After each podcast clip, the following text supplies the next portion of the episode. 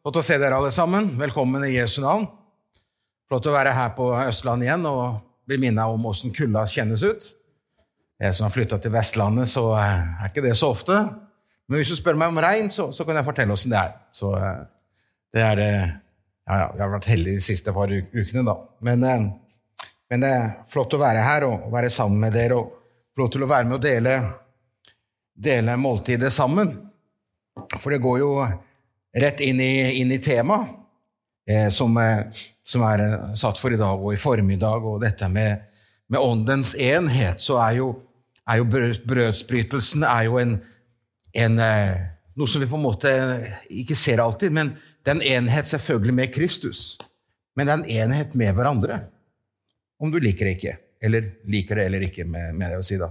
Ja, det er liksom, det er en, det er noe fantastisk som Gud gjør og som Gud har gjort.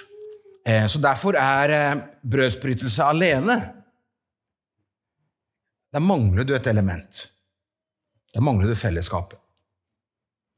Derfor er det brødsbrytelsen ble gjort alltid menigheten var samla.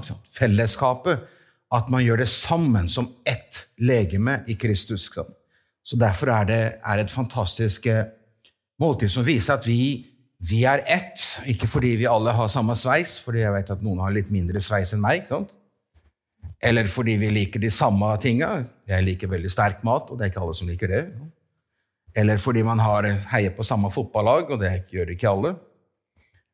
Eller hva den er. Men vi er ett fordi vi har selvfølgelig den samme frelser.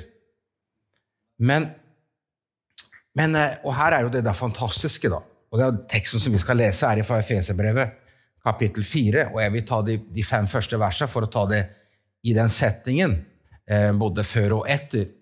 Men, men, når vi leser da teksten, så skal du få lov til å se det at, eh, er at, er at vi, vi, blir frelst, men, men, Gud gjør også noe, noe åndelig i våre liv. Så, så, på en måte at vår enhet er ikke bare at vi har farlig å si bare, men at vi har Jesus som frelser. Men det er noe åndelig som gjør at vi at Det handler ikke bare om en innstilling, om et, om et liv som Gud har på en måte født oss inn i, men det er også noe som er født sammen med. Eh, så i Efeserbrevet, kapittel, kapittel 4, så står, det, så står det slik eh, fra og med vers 1 jeg skal lese min, eh, den oversettelsen som jeg har. Dere får vel en annen oversettelse, men det står vel det samme. Så står det Jeg som er fanget i Herren, skriver da Paulus, formaner dere da til å vandre verdig. Efeserne 4, vers 1 til og med vers, til og med vers 5. Formaner dere til å vandre verdig det kall dere ble kalt med. Og i vers 2 så står det med all ydmykhet, mildhet, tålmodighet, så dere bærer over med hverandre i kjærlighet, og legg vind på å bevare åndens enhet i fredens bånd. Det er én kropp, det er én ånd, slik dere ble kalt til ett håp ved deres kall. Det er én Herre og én tro, én dåp, én Gud og alles Far, Han som er over alle, gjennom alle og det i dere alle. Amen. Eh, som sagt, det, å snakke om, om enhet er, eh, er, noen ganger litt, eh, litt, litt, rart og litt utfordrende. fordi noen ganger så, så, så, tenker vi enhet som en uniformitet. Altså vi, vi går på samme måte, ikke sant? oppfører oss på samme måte og går kledd på samme måte, eller et eller annet greie. Når vi skaper enhet, så, så har vi veldig vanskelig. Fordi når vi mennesker skal skape enhet, så er enheten vår eh, basert på at, vi på en måte blir uniform og unisont i nesten alt. Og det da ha en enhet der ting er forskjellig, er jo veldig vanskelig. Det er veldig greit å, være, å ha enhet når man er aleine. Det er verre når man er to. Ja. Så blir man flere. Ja. Eh, men så sier Guds ord her, som vi leste, er at, at den enheten som som vi er på en måte kalt inn i. Eh, for han sier at vi skal vandre verdig det kall dere ble kalt med. Så dere er blitt frelst og kalt av bare nåde, vi. Så vi, vi er kalt inn i noe. Vi er kalt inn i et liv som vi har fått i Kristus Jesus, som Gud har gjort ferdig. Og Det er det Paulus bruker de tre første kapitlene i Feserbrevet. Han snakker om alt det vi er, og alt det vi har i Kristus. Det, det er vår rikdom. Du er en velstående kristen. Du har alt. Du har all mulighet til å glede deg. Du har all, alt for å kunne bare prise Herren, løfte hendene opp og si halleluja hver eneste dag. Det sier Paulus. Du har alt det. Også fra kapittel 4 og utover så vil, han, så vil, du se et ord som går igjen hele tida. Det sier vandre, vandre, vandre. Det er som Paulus sier. Ok, alt det har du, og nå skal du få det ut i praksis. Så leve ut det du har fått i Kristus. Så du, du, er en ny skapning, du har et nytt liv, en ny identitet. Herren har gjort alt det ferdig, og vi er ett folk i Kristus. Så sier han vandre verdig det kall som vi er kalt med. Det å leve dette liv på en, en verdig måte som ærer Gud, er det Paulus sier. Og i det da sier han da, som er den, det nøkkelordet for, for, teksten her i formiddag, er jo vers 3, ikke sant? Og legg vind på å bevare åndens enhet. Heldigvis så skriver ikke Paulus 'og legg vind på å skape åndens enhet'. Fordi når vi skaper, så, så, blir det aldri enhet. Det blir alle skal være lik meg. Sant? Men vi skal bevare noe som Gud har skapt. Så Gud skaper en enhet ved sin ånd. Som går over alle landegrenser, som går over alle kulturbarrierer. Som går over alt av smak og stil og måte å tenke og gjøre ting ytremessig på. Men det handler om et liv som vi har fått, som gjør oss til søsken i Kristus, der vi er ett, en enhet. Så det Paulus heller ber om, er at vi skal bevare det Gud har allerede gjort, og det han, han, har gitt oss. Eh, man kan jo spørre seg hvordan var det da eh, enheten på en måte eh, fremsto for de første kristne? Og Det er jo en, en av de kjente tekstene eh, her er jo, er jo Apostelens gjerninger kapittel 2, ikke sant? på pinsefestens dag. Og Hvis du tenker den i en enhetskontekst, så er det veldig, veldig, veldig utfordrende, fordi de fra å være ca. 120 som er i øvre sal og bare er på bønnemøte i ti dager og opplever plutselig at Guds ånd faller over dem, og de taler i tunger, og Gud bruker dem, og så reiser Peter seg opp, og så forkynner han eh, om hva som har skjedd, og hvem Jesus er, og frelseren, han som dere korsfestet. Han, han er der hjørnestein, han er vår frelser. Eh, og Det stakk dem i hjertet når de hørte dette og lurte på hva de skulle gjøre. Så sier jeg omvend dere og la dere bli døpt i Jesu Kristi navn. Eh, så står det da at, at 3000 er frelst. Hva gjør man da? Tenk om dere Nå er jeg her på formiddag, og i kveld, av en eller annen merkelig grunn, så var det plutselig 3000 som ble lagt til menigheten her. Hva gjør vi da? Da må vi i hvert fall ha menighetsmøte. Da må vi finne ut av hvordan skal vi strukturere oss. Hvordan skal vi gjøre dette her? Hvordan skal vi ta vare på hverandre? De hadde null. De begynte fra scratch. De hadde ingenting av sånt. Hvordan klarer de å bevare enhet for 3000 mennesker som ikke var like? For de var jo ikke det. Det var jo selvfølgelig Det som de hadde som en felles kulturarv, var at de var jøder.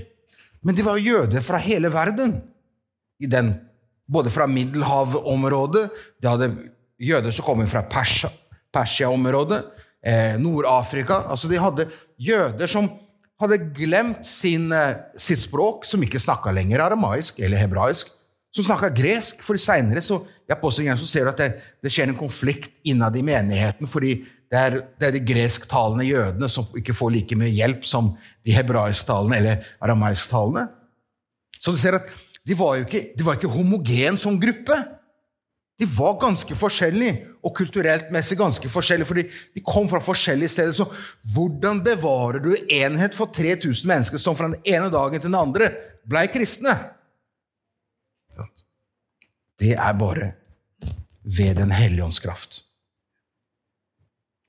For det, det er et under som skjer.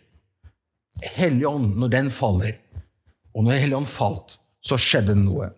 Fordi om vi bare leser den teksten som står her i, i, i uh, Apostels gjerninger, kapittel 2, eh, og så der i vers, uh, vers 40, 42 og litt utover, eh, så legg merke til hva som står her. ikke sant?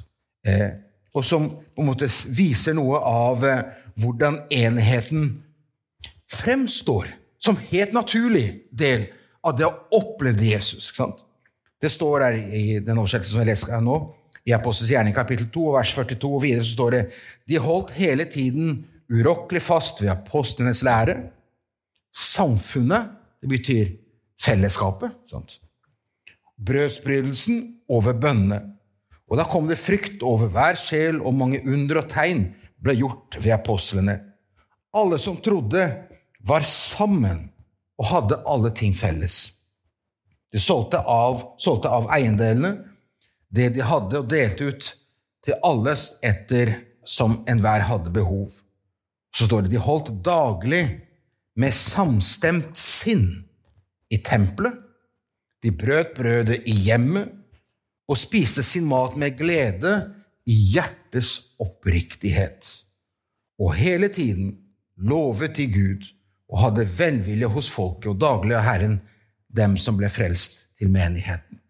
Dette med ordet sammen, fellesskap, enhetlig, og at de holdt sammen og var samstemt, er noe som går igjen i den første menigheten.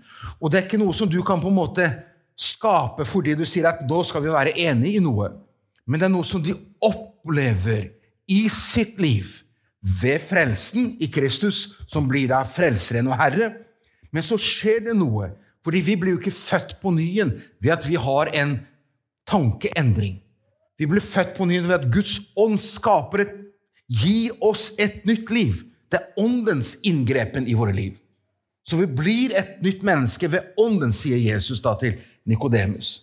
Vi blir født av ånden, og den ånden fører oss sammen der blir plutselig et legeme i Kristus. Så vi ser at hvordan det fremstår til å begynne med, er jo dette at helt naturlig Så det å være sammen er en del av det å være, være kristen.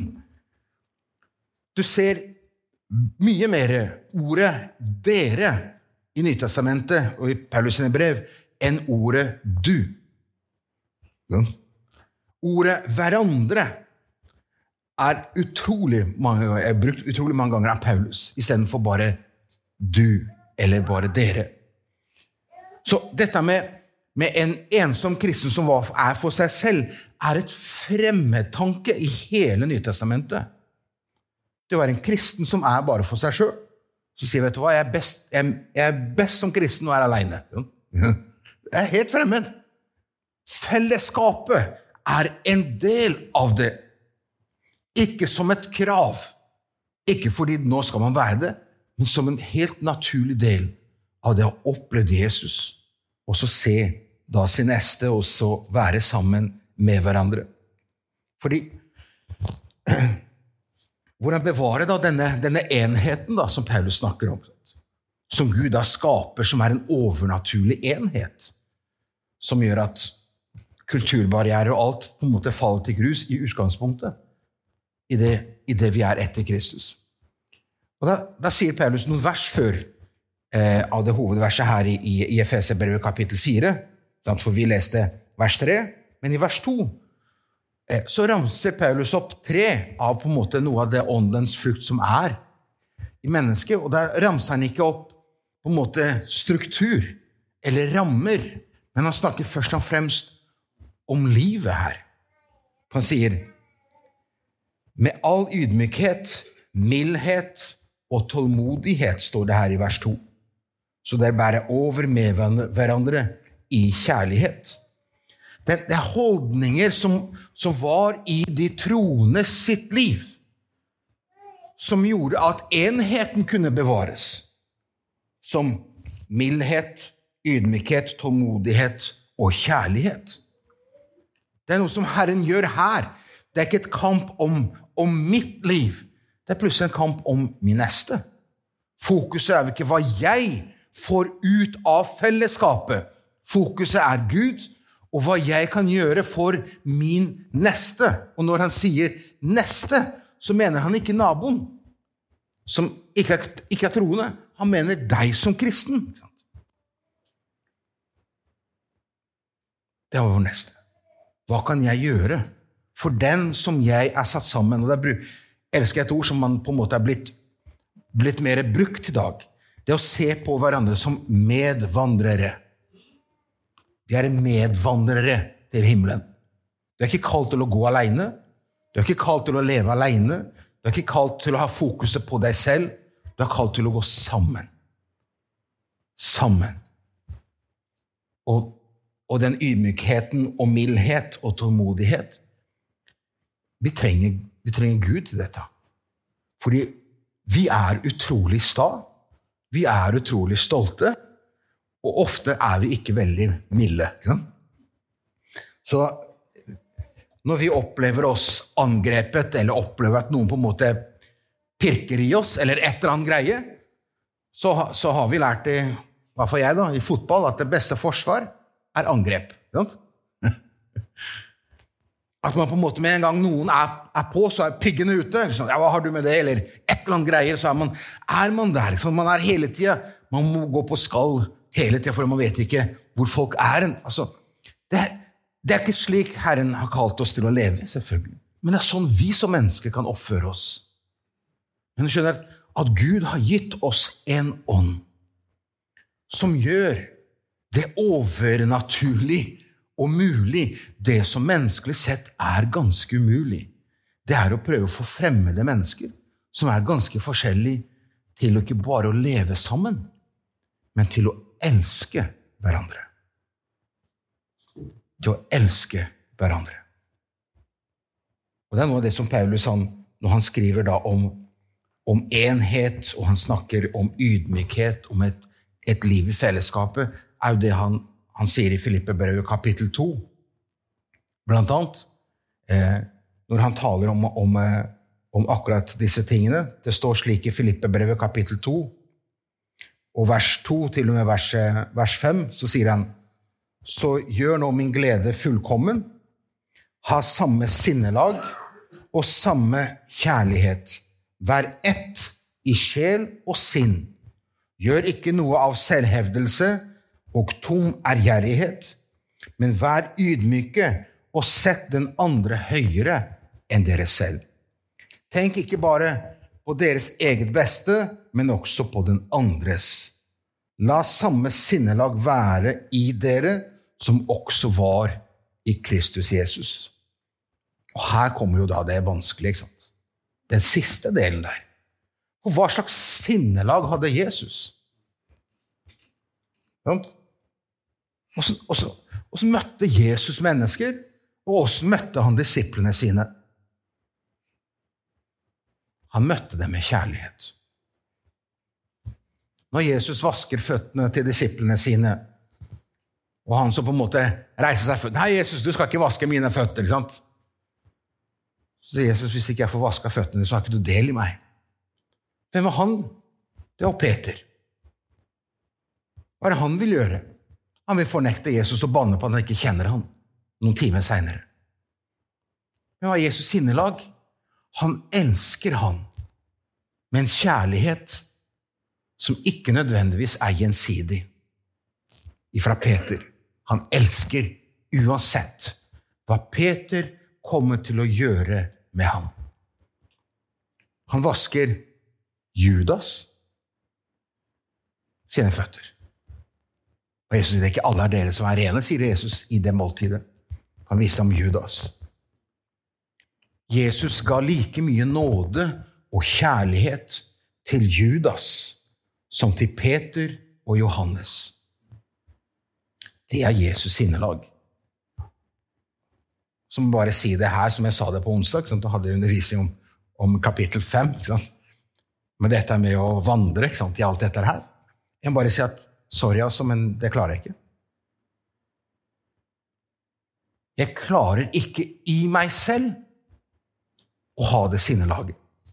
Og vet du hva? Jeg tror det er livsnødvendig at vi som kristne, som har levd noen år, at vi erkjenner at vi som mennesker, som kristne, som på en måte går i egen kraft, at vi har litt sånn fallitterklæring, der vi erkjenner at Herre, skal jeg leve dette, så er jeg 100% avhengig av din kraft i mitt liv. Fordi jeg kan ikke fremelske den form for kjærlighet. Fordi når vi da leste her sant, om denne, denne kjærligheten, så er det bare Guds ånd som kan gi oss den kjærligheten. For Hva leste vi om, om da i, de, i, den første menigheten? Fordi jeg mener Ånden er den som fører oss sammen. Men kjærligheten er den som holder oss sammen.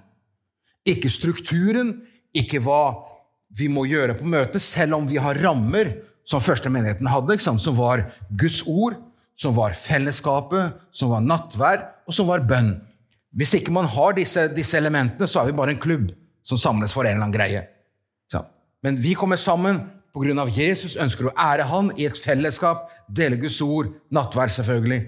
Eh, så, så vi har rammen. Men det som gjør at denne rammen blir levende i fellesskapet, er jo selvfølgelig en guddommelig kjærlighet, som er åndens frukt, er kjærlighet. Og som gjør da at de første kristne, som vi leste om her, hva er det de gjør? Eh, de selger det de eier. Ikke at vi skal gjøre det her. Men det er ikke akkurat det første vi kanskje hadde tenkt å gjøre når man ble, ble, ble en kristen, kanskje. Fordi det viser at hvordan kjærligheten ga seg i uttrykk for de første kristne. Det er som om de skulle ha sagt følgende Du er mer verdt enn mine eiendeler. Og når jeg sier 'du' her, så mener jeg den medkristne. Du er mer verdt enn det jeg eier. Og hva er det som gjør oss kalde? Når alt det vi eier, og alt det vi har, er mer verdt enn hverandre. Hvorfor opplever man ofte at fattige og folk i det man kaller for eh, tredje verden, eller si Afrika, Sør-Amerika man, man, drar til fattige områder av kristne der de deler alt. Sånt. Der er fellesskapen på en helt annen måte. Fordi de selvfølgelig har mye mindre. Men fokuset er ikke på alt det de har, for de har ikke så mye. Men fokuset er at de skjønner at vi trenger hverandre. De menighetene som blir forfulgt av de kristne som lever under forfølgelse, så vet jo selvfølgelig at alt det de eier og har, kan i plutselig et øyeblikk bli tatt av myndighetene. Så hva forstår de? At fellesskapet er mye mer viktig enn alt det jeg eier, enn alt det jeg har. Det å være sammen. Så kjærligheten for dem ga seg uttrykk at de solgte og delte med hverandre i fellesskapet. Sant? Og jeg tror at det er selvfølgelig er en del av, av nøkkelen i dette. Dette, dette, med at, at, kjærligheten trenger å få et uttrykk. At man sier 'jeg er glad', vi er glad i hverandre, men, men man gidder ikke å bruke tid med hverandre. Men jeg elsker deg, bare ikke kom meg for nær. Jeg er veldig glad i deg, men jeg har ikke tid til deg nå. Og Jeg hørte her på en, en, andakt for et år siden eller noe sånt, noe på en, en av kristne nærradio, ikke nærradio heter det lenger, men kanal. Eh, da var det en som eh, ola seg på en veldig interessant måte. Han sa følgende at, eh, at det er viktig for meg at min neste er mer verdifull enn oppvaska. Og Hva mente han med det? Han mente med følgende at når han hadde vært på gudstjeneste en formiddag, på en søndags formiddag, og så traff han et eller annet menneske, så tenkte jeg det er lenge siden vi har vært sammen. Så tenkte jeg at kanskje jeg skulle invitert han hjem. Men å nei, jeg har jo en oppvask kommet, da. Jeg har jo en oppvask fra i går. ikke sant? Og så lar man være å invitere hverandre inn i hjemmene sine fordi man ikke har ting på stell. Sant? Og det er jo liksom så rart igjen. For gjestfrihet er en naturlig del og frukt av det å være kristne. Og gi uttrykk for kjærlighet til hverandre. Det at man er mer opptatt av at ting må være på stell, for jeg kan invite Kanskje, kanskje vi trenger å se at vi ikke alle har det så ryddig? Ja? Kanskje vi trenger å se hverandres oppvask og ustuvd uh, eh, gull som ikke er støvsugd, sånn. Vi trenger å se hverandres ekthet. For noen ganger så bygger vi oss bygger opp at vi, vi, må på en måte Selvfølgelig skal vi gjøre oss vårt beste, men i, den, i det streven av å prøve å være det beste og det fineste, så blir vi noen ganger litt ikke, Farlig å si falske, men, men vi blir ikke helt ekte med hverandre. Og så begynner vi å sette en standard overfor hverandre at det er umulig å besøke hverandre. Det er umulig å ha gjestfrihet, fordi, fordi jeg, det ikke, passer ikke i dag, og det passer aldri, selvfølgelig. Men jeg tenkte bare på ett av disse ordene her med, med gjestfrihet. Og som på, for meg den andakten ble veldig, veldig på en måte levende. Dette med å, med å ha et åpent hjem er et naturlig del av hvordan man også kan vise kjærlighet til hverandre og til vår neste, og som andre trenger å se.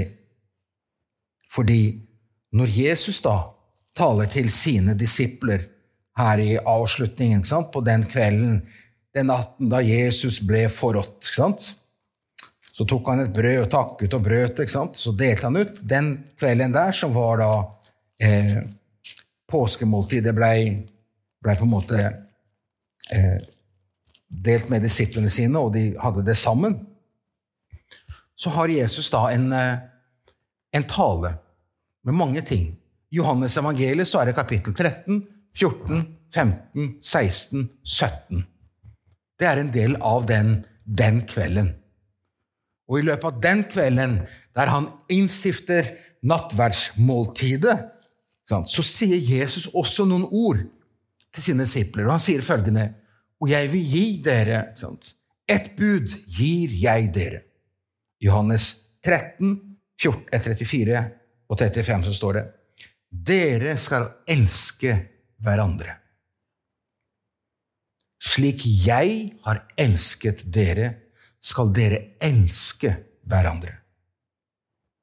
Av dette skal alle forstå at dere er mine disipler, at dere har kjærlighet til hverandre. Og det er standarden her på kjærlighet. Ikke en kjærlighet som er en kjærlighet fordi du liker noen, fordi du føler noe men en kjærlighet som er slik Gud har elsket oss, som Jesus har elsket oss. Så du elsker de neste ikke fordi du får noe igjen av det, ikke fordi du blir elsket tilbake, men du elsker bare fordi du er blitt elsket av Gud. En helt ensidig kjærlighet. Du gir ikke for å få noe igjen. Du elsker ikke fordi nødvendigvis på en måte henger så godt med de personene, eller veit ikke hva. Men du elsker fordi Kristus har elsket deg. Og dette er et, et bud som Jesus har gitt disiplene, og som har gitt oss. At, at vi skal elske hverandre. Ikke fordi vi er like, fordi vi liker samme ting, eller synger på samme måte, eller ønsker på en måte struktur av, av forskjellige ting, eller hva den er, at man, man putter inn i den potten. Men vi skal elske slik Jesus har elsket oss, av bare nåde. Og før du på en måte kobler opp med en gang med ikke-kristne Her handler det først og fremst Jesus er samlet med sine disipler, sin menighet, og sier 'Dere skal elske'. Det, det er litt vanskelig å kommandere kjærlighet. Ja? Litt vanskelig å kommandere, ikke sant? Jeg traff min Eva ikke pga. kommando at jeg skulle elske Eva, men jeg traff og likte og Kjærligheten var der. ikke sant? Men at noen skulle komme før det. ikke sant? At mine foreldre og foreldrene til Eva hadde slått seg sammen og sagt at ja, dere skal gifte dere, så liksom, nå, skal, nå skal dere elske. ikke sant? Det er litt mer komplisert, selv om det er mange kulturer som fungerer sånn, og mange samfunn som fungerer på den måten her. og Vi i vår vestlige tanke kan ikke helt å forstå at det er jo forferdelige greier. Men det er ikke så enkelt for oss heller, fordi vi, vi, vi, er, vi kobler følelser og kjærlighet hele tida. Men vår kjærlighetsfølelse Når kjærlighet er følelse, så er en egoist. Fordi du elsker så lenge du blir elsket. Du elsker så lenge du får noe ut av det. Så når kjærligheten er bare en følelse som jeg føler, jeg elsker, så elsker du så lenge du får noe ut av det. Men sånn er ikke Guds definisjon av hans kjærlighet. Han elsker ikke deg fordi det er noen grunn til å elske deg.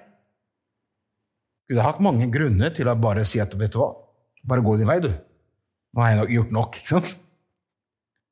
Gud har hatt mange nok grunner til å gi opp mitt liv. Men han har ikke gjort det, og han gjør det ennå ikke i dag. Fordi han elsker meg med en fullkommen kjærlighet.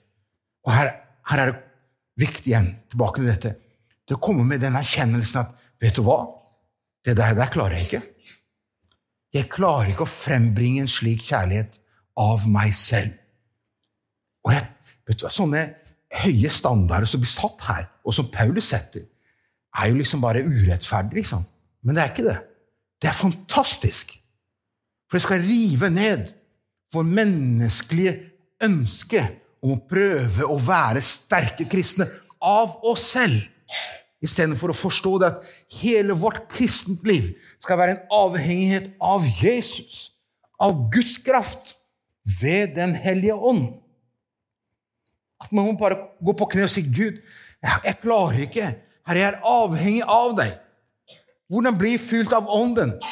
Første steget er jo å si at jeg er avhengig av deg. Problemet er at vi er ikke avhengig av Gud noen ganger. Vi, liksom, vi er trofaste og gjør hva vi skal. Men det å innse at den standard her av kjærlighet som Jesus har påbudt oss som kristne, å elske den som sitter ved sida av deg, til å si at det jeg Altså, du er mer verdt for meg enn det jeg eier. Eh, det var rart å kunne si det sånn. Kan man si det noen gang? Og spørsmålet blir her i en, i en avring av dette er Med denne befalingen, hvordan, hvordan gir det seg i uttrykk din kjærlighet for de neste i menigheten her? Det er vel veldig konkret. Hvordan gir det seg i uttrykk? Jeg elsker deg, men jeg har ikke tid til deg. Jeg elsker deg, og Gud velsigne deg. Hvordan gir det seg uttrykk? Om du kjenner på at liksom, uff, det her var ikke greit, så er det kjempebra. For det er poenget med alt dette her. At Herren skal forstå at vi kan ikke leve dette livet uten Hans kraft og Hans fylde. At jeg er avhengig av Han, av Åndens frukt i mitt liv. Så jeg blir et uttrykk av Han, og ikke et uttrykk av, av meg, egosentriske Geir, som på en måte er opptatt av hva jeg kan få ut av ting. Men at det blir at jeg elsker fordi Han elsket meg. At jeg kan se forbi forskjellen og annerledeshet og bare elske. Og være villig til å ofre min tid. Være villig til å ofre min hverdag, min fritid, mine interesser. For å snakke med et menneske, for å bruke tid med et menneske. Her i fellesskapet, f.eks. For hvis vi ikke elsker hverandre Men det er lettere, det er lettere å elske den som er ute i verden, enn den som er i menigheten. Da er det noe feil. Da har du noe uoppgjort synd. Da har du imot noen som du skulle ha tilgitt, som Kristus har tilgitt deg.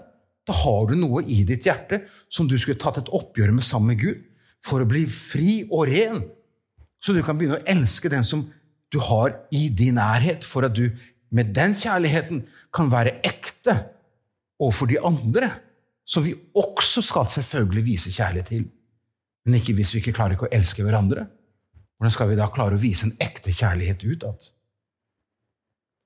Da blir det en påtatthet. Jesus ønsker at, eller han kaller oss inn til å leve i et liv i fellesskap og kjærlighet. Bevare åndens enhet bevares først og fremst, tror jeg, i den kjærligheten som Gud får lov til å utøse i våre hjerter. Så vi, eller så din neste, din medvandrer, blir mer viktig enn du selv. Og da trenger vi Guds ånd. Derfor sier Paulus, bli fylt av Ånden. så dere taler. Så vi be sammen nå. Og så det du kjenner av, av det Herren både har minnet, eller om det Herren har utfordret i ditt liv. Kanskje spørsmålet kan ligge der sant, i ditt liv. Altså. Hvordan er det denne kjærligheten gir seg uttrykk i ditt liv? Det å elske den neste. Eller gir det seg ikke uttrykk? Eller kan sier, si, Herre, Herre, ser du mitt liv, Jesus? Herre, hjelp meg, så mitt liv er et uttrykk av din kjærlighet, og ikke min selvopptatthet, Herre. Så om du er ærlig her i formiddag og tør å være det ærlig innenfor Gud med ditt liv og si at 'Herre, jeg trenger deg', så vil han møte deg. Ikke med en pekefinger og ikke med slå av handa, men å si at 'Kom, mitt barn'. Jeg ønsker å fylle deg av alt du har fått av alt det jeg har gitt deg i Kristus Jesus ved Den hellige ånd. Ber vi sammen. Herre, du kjenner våre liv her, Herre. Hver eneste en av oss her i formiddag, Herre. Vi takker deg for at du er, du er en levende, kjærlig Gud, Herre. Som ikke bare sier du elsker oss, Herre, men du handlet på det, Herre, og viste oss og demonstrerte din kjærlighet for oss, Herre, på Golgata kors, Herre. Herre, vi priser deg for at det er den kjærligheten. Herre, nå ber vi, Herre, for oss som er her i formiddag, Jesus. Du vet hvor vanskelig enhet er, Herre. Du vet hvordan våre liv, Herre, kan bli veldig selvopptatt, Herre, av alt det hva andre skulle ha gjort for meg, Herre, enn hva jeg skulle ha gjort for min neste, Herre.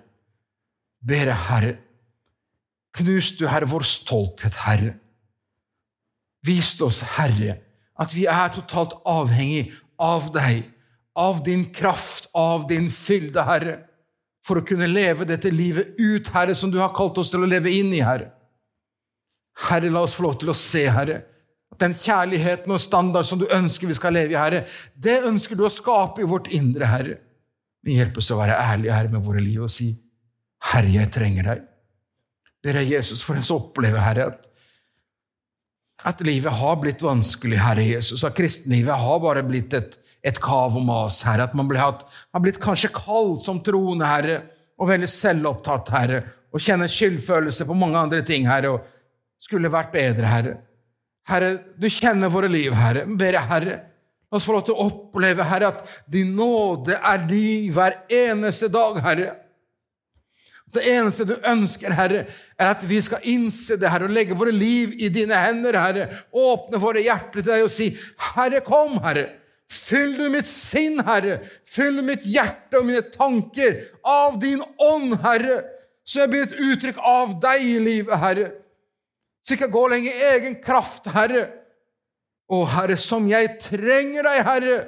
Fyll du mitt indre, fyll du mitt liv, Herre. Så abbarop og lovprisningen og takknemligheten og min kjærlighet, Herre, kan igjen være ekte, Herre, til min neste, Herre. Herre, jeg ber i ditt navn, Herre. Åpne du våre hjerter, Herre, så vi ser hvor avhengig vi er av deg, Herre. Så takker deg, Herre, at du møter hver eneste en av oss, Herre, som åpner vårt er eneste oss som åpner hjertet og så sier 'Herre, kom'. Herre, fyll. Herre, tal. I Jesu navn, Herre. Halleluja, Herre. I Jesu navn, Herre. Halleluja, Herre. Halleluja.